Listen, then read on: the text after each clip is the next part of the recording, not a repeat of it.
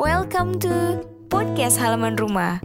Podcast yang berisi obrolan tentang kisah, kasih, dan selisih seputar kehidupan anak muda Yang akan nemenin kamu layaknya ngobrol santai di halaman rumah.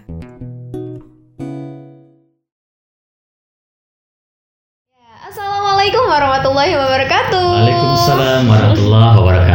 Ketemu lagi sama aku Aisyah Redatul di podcast Halaman Rumah. Nah sekarang ini pertama kalinya episode di podcast Halaman Rumah itu dialog ya. Jadi sekarang aku ditemenin sama ayahku. Babe, babe, babe. Oh Babe. Ya sama Babe, aku juga biasa manggil Babe sih ya. Ini eh, siapa ya namanya? Kenalin dulu ya. Uh, Husnul Amri, biasa orang panggil Amri. Atau Pak Husnul. boleh juga panggil Husnul, boleh. Ya, itu Pak Husnul Amri. Jadi ayahku juga adalah seorang trainer dan motivator atau misalnya Widya Suara. Widya Suara ya ya. Itu tuh PNS juga ya atau gimana sih ya? PNS, ya. Jadi Widya Suara itu kalau di sekolah itu kan dikenalnya guru, Mm. sasaran ya, itunya murid ya namanya gitu kan. Kalau di kampus dosen, nah, berarti mahasiswa. Nah kalau Widya Suara itu sama fungsi dan perannya itu yaitu dikjarti, mendidik, mengajar dan melatih. Nah, sasarannya itu para ASN baik PNS maupun non PNS juga tentu termasuk eh, pengabdian masyarakat itu melatih juga eh, masyarakat yang membutuhkannya itu Kurang lebih kayak gitu teman-teman. Jadi Widya Suara itu karena emang banyak juga sih yang suka nanya sama aku, "Ayahmu kerja apa?" gitu. Terus aku bilang Widya Suara, Widya Suara tuh apa? Ya udahlah pokoknya intinya trainer dan motivator karena emang kurang lebih kayak gitu sih yang setahu aku gitu. Dan sekarang episodenya itu bakal bahas tentang antara anak dan orang tua karena emang banyak banget miskomunikasi ya ya ya.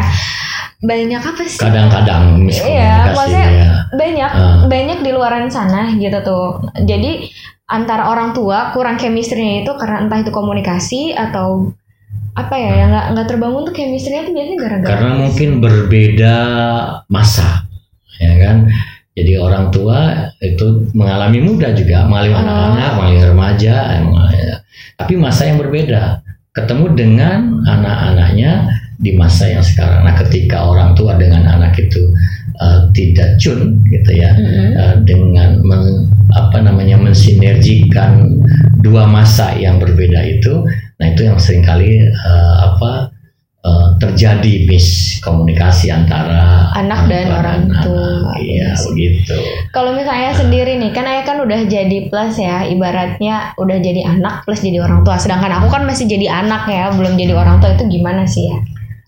ya eh, pastinya setiap orang tua gitu ya ketika sesuai dengan harapan dan keinginan mimpinya dulu waktu sebelum menikah itu kan ingin diberikan keturunan Ya, benar. diberikan anak-anak yang sehat Mm-mm. anak-anak yang cerdas anak-anak yang pastinya semua itu ingin anak-anak yang soleh-soleh dan soleha. Dan ini kita soleh-soleh karena di sini tiga soleh soleh soleh soleha. Jadi kebetulan kan ayah punya anaknya empat Iya benar. satu perempuannya Perempuan, jadi iya. solehahnya satu dan Amin, ya satu Allah. lagi sebetulnya istri yang soleha Oh, amin, masya Allah. gitu.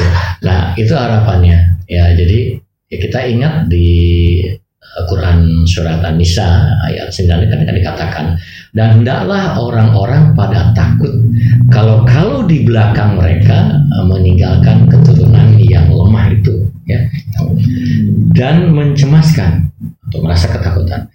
Nah akan mereka ya. Maka gitu ya, bertakwalah kepada Allah dengan kaulan sadida. Jadi dengan perkataan yang benar. Nah ini PR sebagai orang tua ya sebagai orang tua. Tadi ada masa yang berbeda ketika kita dulu kecil sebagai orang tua ya, ya, itu masanya berbeda. Ya kemudian dihadapkan pada anak dengan kondisi saat ini. Ya kan? Itu pastinya sebagai orang tua yang menginginkan gitu anak-anaknya itu tumbuh ya dan berkembang dengan sesuai harapan ya. Maka bagaimana orang tua itu juga mampu ya memahami kondisi anak-anaknya.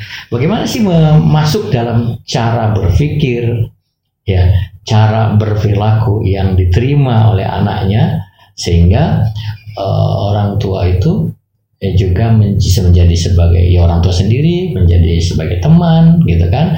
Uh, bahkan juga menjadi figur Hmm, oh, ya kan? Kalau menjadi orang tua sudah pasti hmm. semua orang bisa karena setiap orang pasti tua akan tua, ya, benar. Nah, gitu kan. Dan menjadi orang tua yang disebut dengan bapak atau dengan ibu itu pasti bisa. Setiap orang yang menikah, insya Allah diberikan keturunan, dia sudah pasti jadi orang tua, jadi bapak dan ibu. Tapi, Tetapi, nah, nah ketika ada. bagaimana dia menjadi figur, menjadi teman, atau bahkan juga karena di rumah itu juga rumah itu juga madrasah kan Benar. Sekolah tempat edukasi anak. Paling anak utama malah lingkaran iya. terdekat, gitu. misalnya lingkaran pertama kan iya, kalau keluarga gitu. tuh. Hanya kan bagaimana uh, mensinergikan antara kondisi internal di rumah dan kondisi eksternal.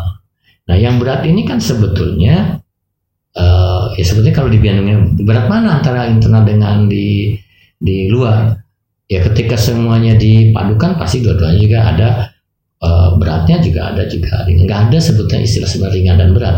Tapi se semua kondisi itu bagaimana kita menyikapinya. Hasil saling mendukung betul saling mendukung. Karena internalnya juga kalau kita insya Allah bagus misalnya mampu membangun komunikasi yang baik terutama dalam hal edukasi ya kan? Kemudian berada anak-anak berada di lingkungan yang tepat ya kan? Di waktu yang tepat lingkungan yang tepat itu juga penting.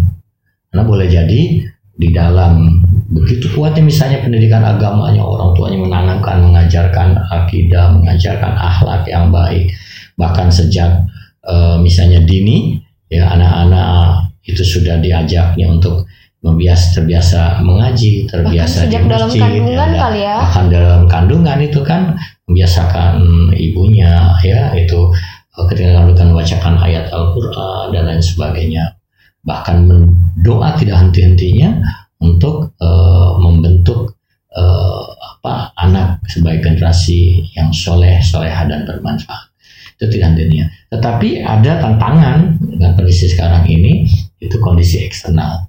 Nah kita harus bisa pastikan nih anak-anak kita itu berada di lingkungan yang seperti uh, yang tepat apa tidak. Mm -hmm. Ya dan dan pastinya orang tua juga terbatas ketika mereka sudah tumbuh menjadi remaja mereka sudah dengan jarak dan waktu yang uh, lumayan iya. jauh misalnya ya tentu terbatas intensitas ya, jadi kurang tua, juga ya gitu.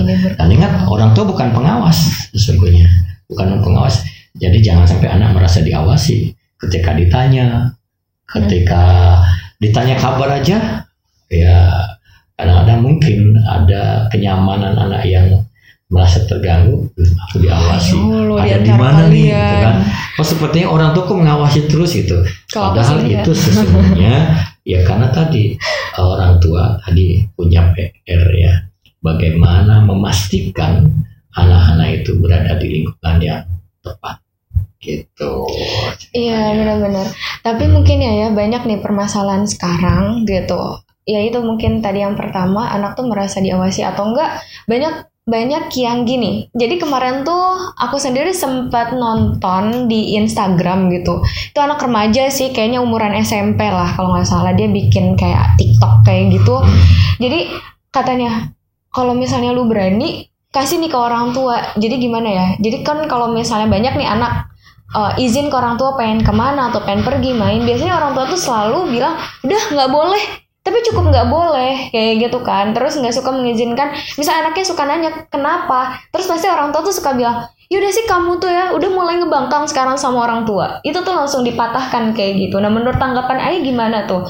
Yang akhirnya kan membuat anak kadang gitu ya di dalam kelihatan baik-baik aja. Ternyata hmm. di luar itu astagfirullah gitu loh ya. Itu gimana tuh? Nah ini ini yang iya sebagai orang tua tentu ketika ayah dulu masih anak-anak masih uh, kecil atau remaja lah katakanlah mm.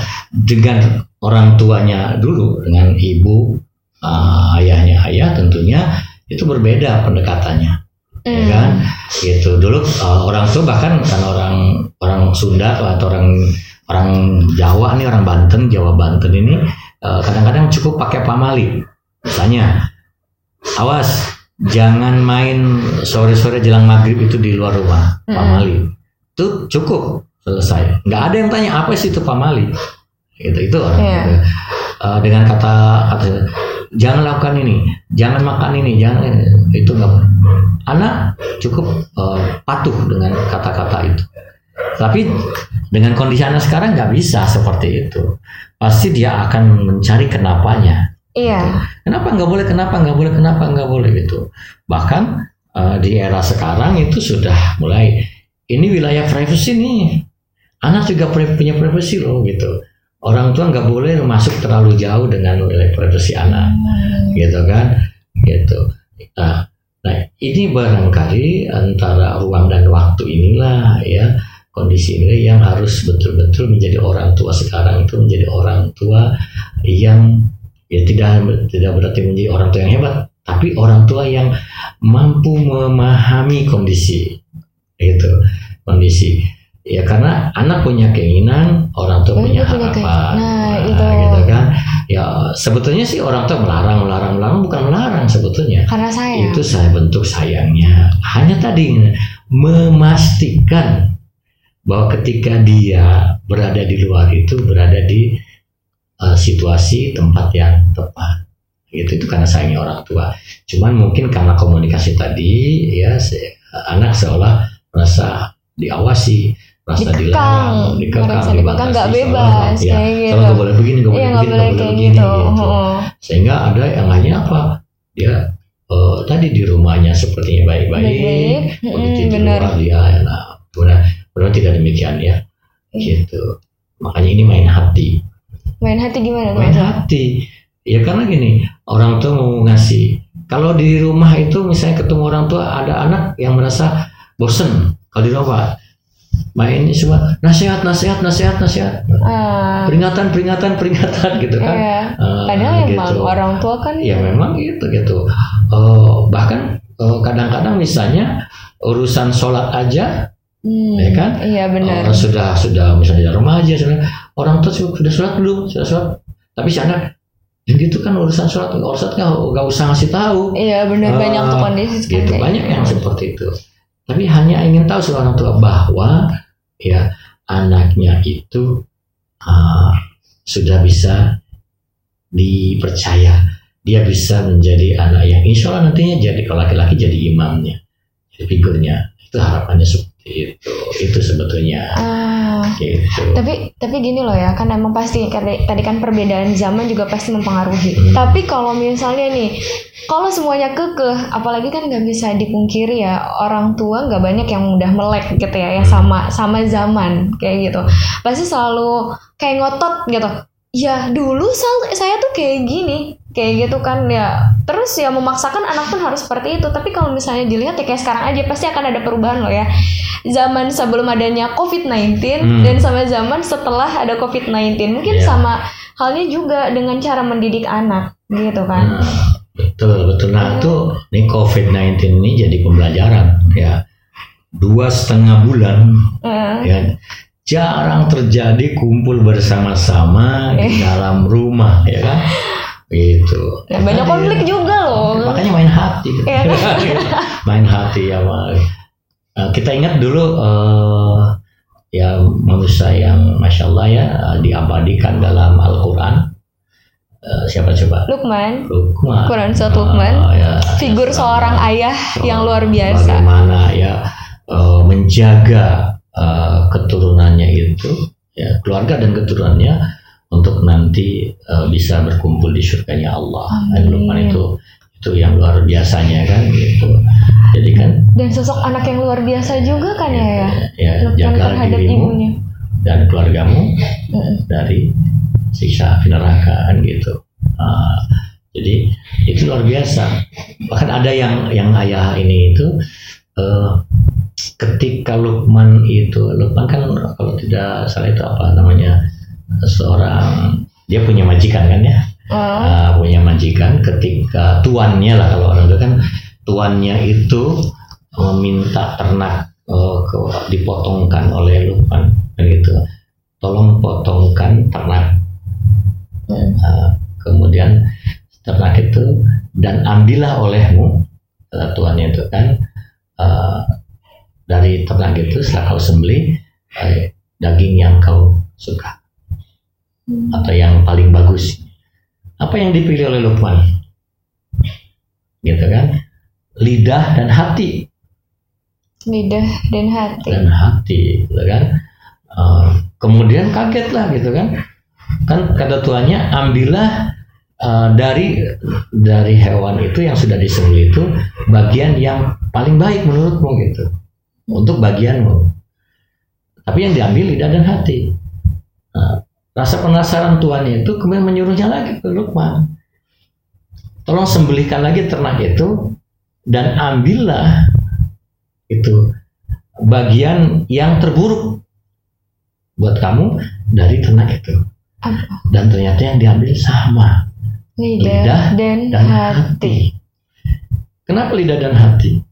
Nah, tadi kamu berangkat dari komunikasi kan? Dari Hmm. komunikasi ini lidah itu kan tidak lepas dari komunikasi. Iya, komunikasi, kan? tapi Kemudian ketika ini dikomunikasikan, munculnya tuh enak dan tidaknya tuh ke hati. ya, hati. Dan apa yang dikeluarkan juga kan sebenarnya berdasarkan Iya, dari hati, gitu. gitu Jadi kan? artinya lidah dan hati itu menjadi eh, cerminan bagaimana ketika orang tua itu memberikan nasihat kepada anaknya dengan hati enggak karena dengan lillahi ta'ala enggak ada banyak orang mungkin ah, ya itu menempa anaknya dengan begitu kuatnya pendidikan agama ilmu-ilmu Hmm. agama bahkan tidak jarang juga pengetahuan agamanya sangat mumpuni gitu.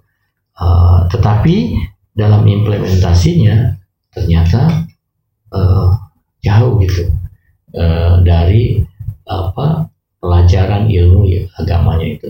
Jadi, nah kembali gitu, ketika kita niatkan dengan hati yang ikhlas, jadi uh, insya Allah ketika kita menyekolahkan anak, mendidik anak, itu harus dengan niat ikhlas karena Allah. Itu yang paling penting. Jadi doanya pun kadang-kadang orang tua juga yang mungkin termasuk saya di awal-awal masih dengan pengalaman pengetahuan yang sangat terbatas itu eh, doa-doa itu ini doa yang seharusnya bukan bukan salah doa itu tidak tidak salah ketika berdoa untuk Anaknya ingin ya, anaknya sukses, itu anaknya sukses anaknya pintar tapi ingat pinter dan sukses ini untuk apa dunia apa akhirat gitu Ah, Nah, gitu kan. Ah, nah, doa kita boleh doakan anak itu uh, sukses, pintar, tapi ingat jangan lupa doakan anak menjadi yang bermanfaat. terus mungkin Gitu. ini kali ya ya. Apa sih? Jadi kan tadi tuh yang kayak di awal ayah banyak yang suka orang tua tuh mengharapkan anak menjadi soleh dan solihah. Tapi kenyataannya dalam mendidik itu sangat jauh dari pendidikan solih dan solihah. Bener nggak sih itu gimana tuh kan banyak pasti nih kayak kalian oh semoga jadi anak yang solih semoga jadi anak yang solihah tapi ternyata dalam pendidikan dalam rumahnya itu sangat jauh Iya, Betul. betul betul. Eh, makanya ada doa dulu pas soleh dulu gitu.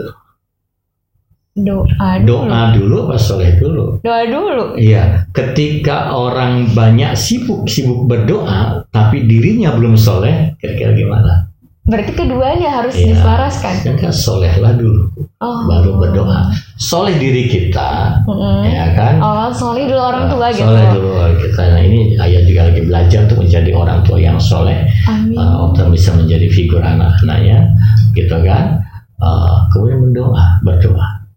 Maka jangan heran banyak anak-anak yang berani membentak orang tuanya.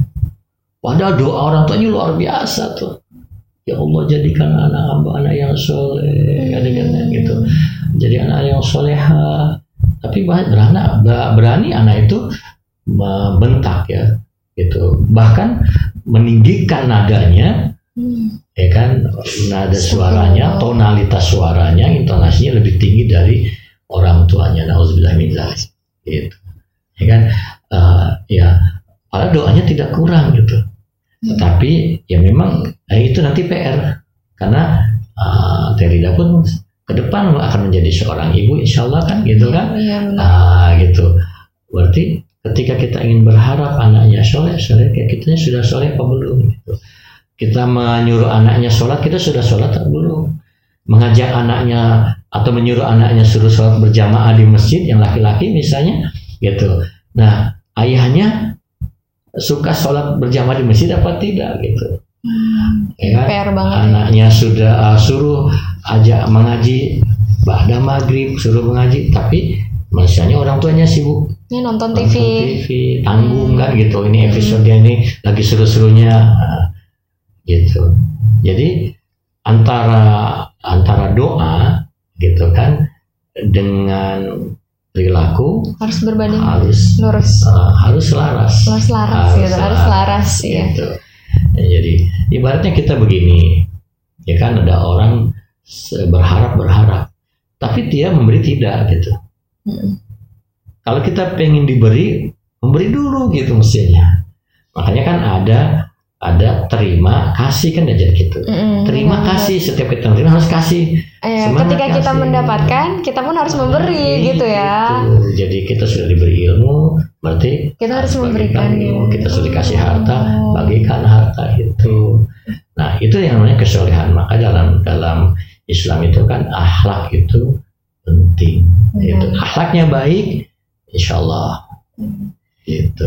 Nih, ayah, Hmm. kan gini ya, suka banyak juga nih kan kayak pertanyaan-pertanyaan ap- apa ya? Teh Rida tuh suka ditanya gimana ya caranya untuk eh, menasehati orang tua nih kan. Pasti kan pasti ya ya ada ada kekeliruan atau kayak gimana karena anak juga mungkin ingin memberikan pendapatnya atau enggak ada juga baru baru banget kemarin malam ada yang cerita jadi pengen ngejelasin sesuatu orang tua tapi tuh udah langsung dibantah nah itu tuh biasanya kenapa sih ya mungkin ada ada perwakilan dari hati seorang ayah gitu atau orang tua gitu Ya, ya kalau yang tidak terlepas dalam hidup, maka kenapa Rasulullah SAW itu di awal tuh mengatakan ya, tidaklah aku diutus ke dunia ini Mm-mm. kecuali untuk menyempurnakan akhlak. Iya. Nah, kalau dalam bahasa kita itu etika, Mm. nah, gitu kan. Satu hal yang harus dipahami oleh seorang anak itu ya, sehebat apa pun, sepintar apa pun, anaklah tetap anak.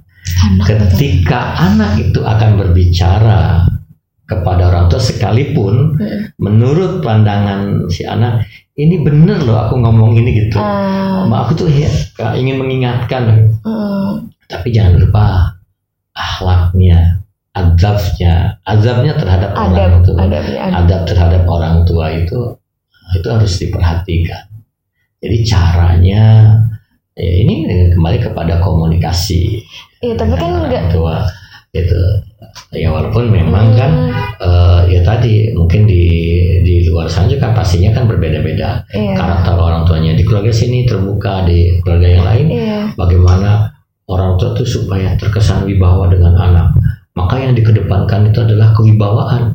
Salah sedikit anak dimarahi sehingga anak merasa jauh. Tapi juga ada yang terlalu anak orang tua demokratis lah gimana ya anak sehingga anak itu juga lupa bahwa dia juga Ada punya etika, adabnya, iya. etikanya kepada orang tua.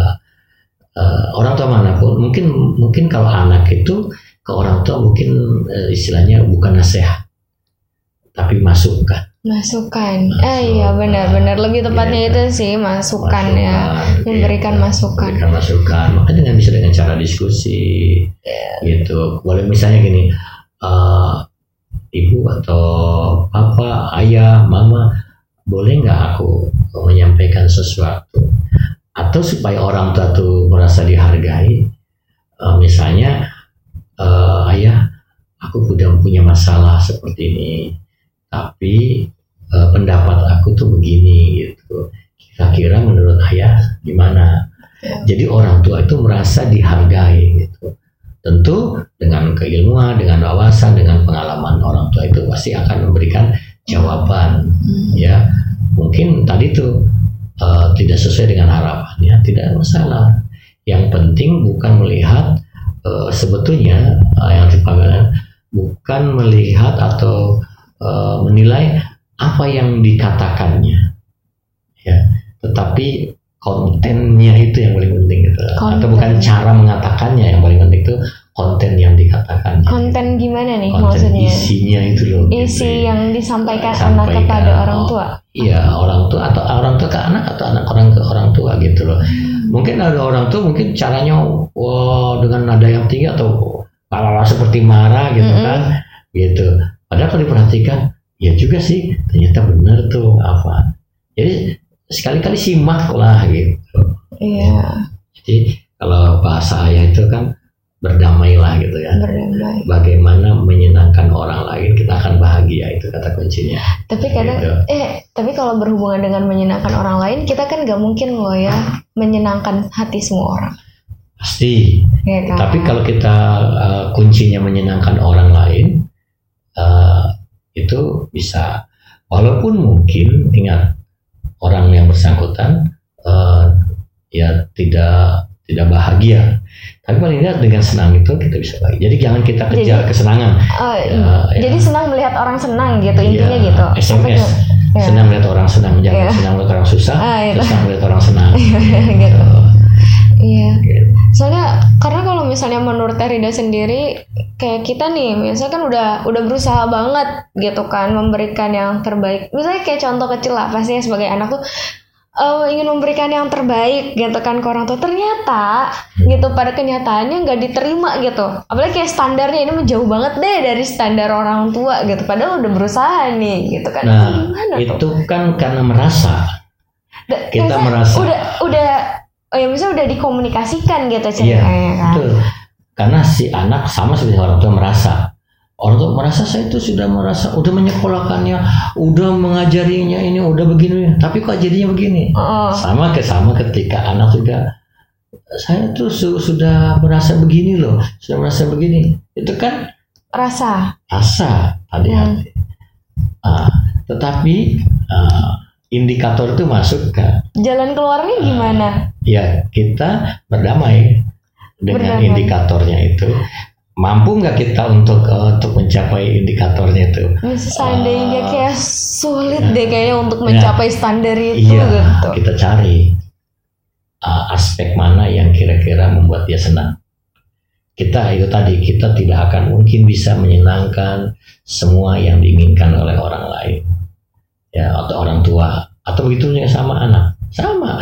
Orang tua dengan jangan dipikir loh orang tua juga punya kekhawatiran yang tinggi itu sebetulnya. Ketika mau ngomongin anak itu eh, ayah aja suka diskusi.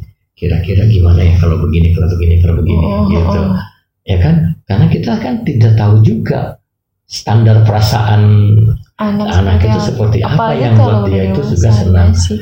bahkan kehati-hatian orang tua loh khawatir tersinggung segala macam Ya, paling kalau udah Gitu. dewasa Iya, ya dengan dewasa. segala permasalahan yang sebenarnya Gitu. kadang orang tua juga nggak Iya, semuanya gitu. tahu kan gitu. kadang uh, masa emosionalnya juga kan beda di masa-masa uh, transisi gitu kan Uh, terutama yang dari remaja ini menuju remaja dewasa tuh dari anak-anak ke remaja remaja menjadi remaja dewasa Hmm. ini masa-masa dia ingin memperlihatkan jati dirinya ingin memperlihatkan aku tuh siapa Hmm. gitu itu nah ini terjadi miss aja komunikasi terhadap anak dengan orang tua atau anak dengan orang tua bisa fatal Hmm. maka ketika terjadi hal itu jangan diputus komunikasinya mungkin boleh jadi eh, pernah terjadi eh, komunikasi misalnya yang sengit atau perdebatan yang sengit gitu ya karena berbeda sudut pandang eh, itu jangan berhenti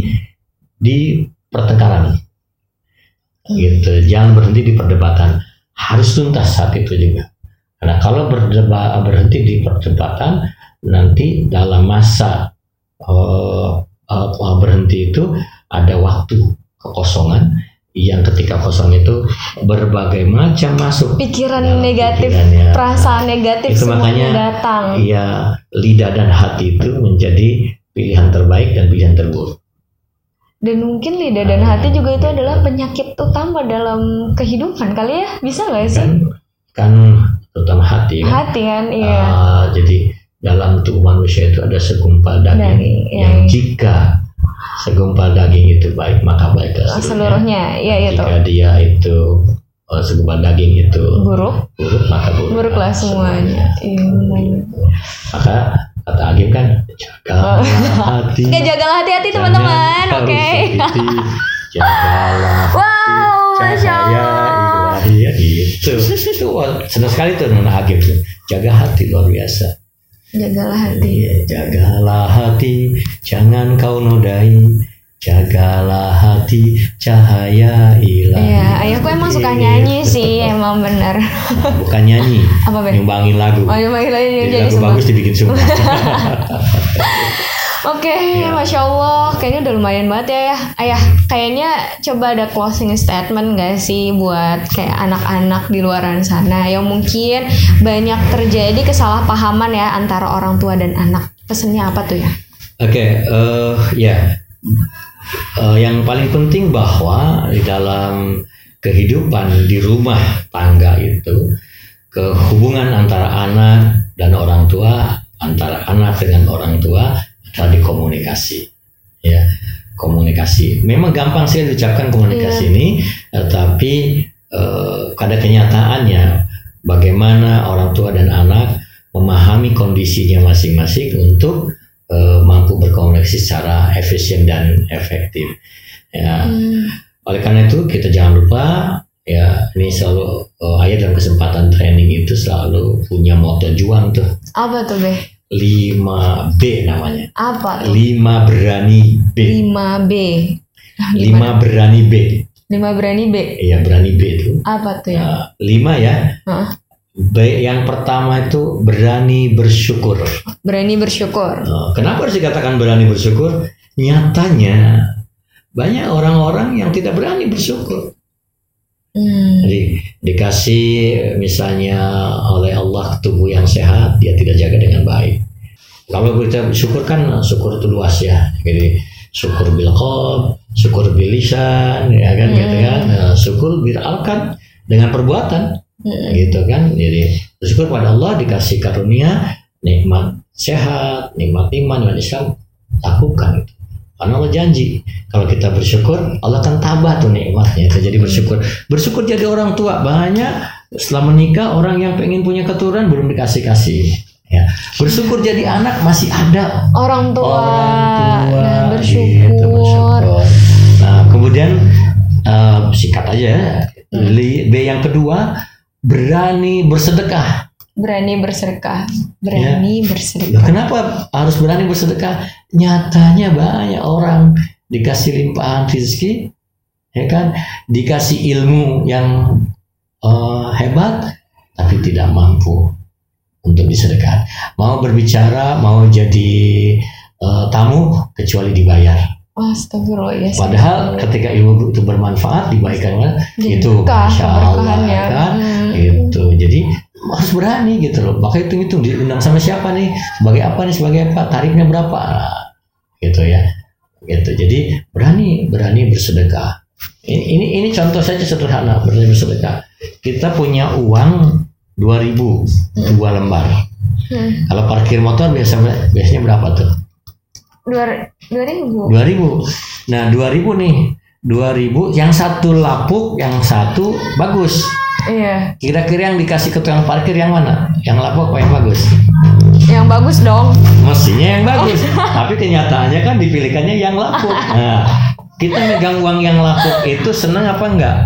Enggak. Iya harusnya bersedekah itu cari yang bikin orang seneng gitu. Ber- Uangnya sama nilainya, tetapi rasanya yang beda. Apa yang kita Ah, senangi gitu. seharusnya bisa kita berikan gitu, kali ya. Gitu. Hmm. Jadi jumlah yang sama belum tentu punya rasa yang Sama ya gitu. itu harus berani tuh berani memberikan yang terbaik itu berani bersedekah kemudian nah tadi ya kaitan dengan antar orang tua dan anak yang ketiga berani berbenah diri Berbenah diri. untuk menjadi baik itu kita harus muhasabah Saling introspeksi Si diri, diri evaluasi diri. evaluasi diri Hmm. berani berbenah diri itu ya kemudian yang keberapa sih Yang keempat.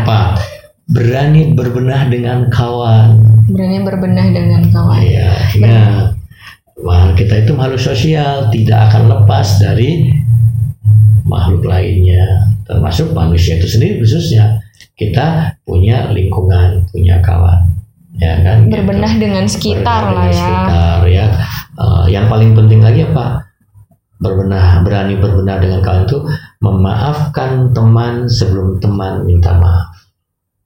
Mm-mm. Itu kan main hati lagi. Mm-mm. Kemudian Yang terakhir, yang terakhir berani beraktivitas.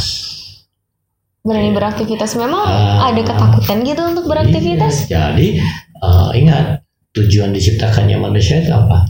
untuk beribadah. Itu. Terus, Nah, aktivitas. Oh, Apakah semua manusia hmm, itu berani nggak aktivitas untuk semua yang nilai ibadah? hmm, iya, Ya berarti kan? itu tergantung Tidaklah aku ciptakan jin dan manusia kecuali untuk beribadah. Wama khalatul jinna wal insa illa illa liya'budu. Nah, lima berani ini, lima berani B ini, ini bisa menjadi siklus dalam kehidupan kita semuanya dan bisa diterapkan di mana pun dalam keadaan apa. Berarti saling berkesinambungan, saling berkaitan ya, Mbak ya. Nggak bisa Bisa, salah satunya iya. ditinggalkan. Bisa kita mulai dari berbenah diri dulu, berbenah dengan kawan, gitu ya. Tapi kalau kalau ayah selalu eh, mulai dengan bersyukur dulu. Bersyukur. Bersyukur diberikan istri yang luar biasa. Karena ya. syukur itu kaitannya mungkin langsung sama anak-anak. Sang Maha Pencipta Iya, ya, kan? makanya Karena bersyukur kan bersyukur bila kalau keikhlasan kita, hati kita semuanya tertuju pada Allah. Iya, Gitu bersyukur. Bersyukur dengan lisan, lisan bukan hanya sekedar mengucapkan alhamdulillah, tapi perkataan-perkataan kita yang baik, ya isinya isinya yang baik itu juga menunjukkan syukur kita. Eh, syukur bilarkan dengan amal perbuatan, gitu kan? Dibuktikan orang yang bersyukur tentunya akan juga tangan kita ini digunakan untuk apa, kaki kita dengan mulut kita untuk apa, mata kita untuk apa. Itu syukur. Hmm. Makanya perlu keberanian, ya kan? Ketika mata kita dikasih kiriman misalnya di WA-nya itu gambar-gambar yang ini, makanya kenapa harus berani? Berani nggak kita untuk kita melihatnya? Hmm. Kemudian berani bersabar nggak untuk melihat ketika dikirimi video yang misalnya lebih menguatkan kepada ketakwaan kepada Allah Subhanahu taala seperti itu. Makanya diawali dengan kata berani. Gitu Gitu, teman-teman. Ya, Ya mungkin sekian kali ya dari kita kayak gitu. Wah masya Allah banget ya semoga bermanfaat. Ayah Amin. makasih. Ya, mudah-mudahan ya bisa menjadi inspirasi buat semuanya. Amin ya Allah. Yang paling penting mungkin bisa sama-sama berproses ya ya ya. Tapi dan ingat Gimana? ketika kita berkata Hmm? ya tentang sesuatu maka sesungguhnya perkataan itu adalah untuk diri kita. Ya benar. Nasihat Gitu. untuk diri kita sendiri. Not to myself. benar. Oke. Dadah. Terima kasih. Assalamualaikum warahmatullahi wabarakatuh. Waalaikumsalam warahmatullahi wabarakatuh.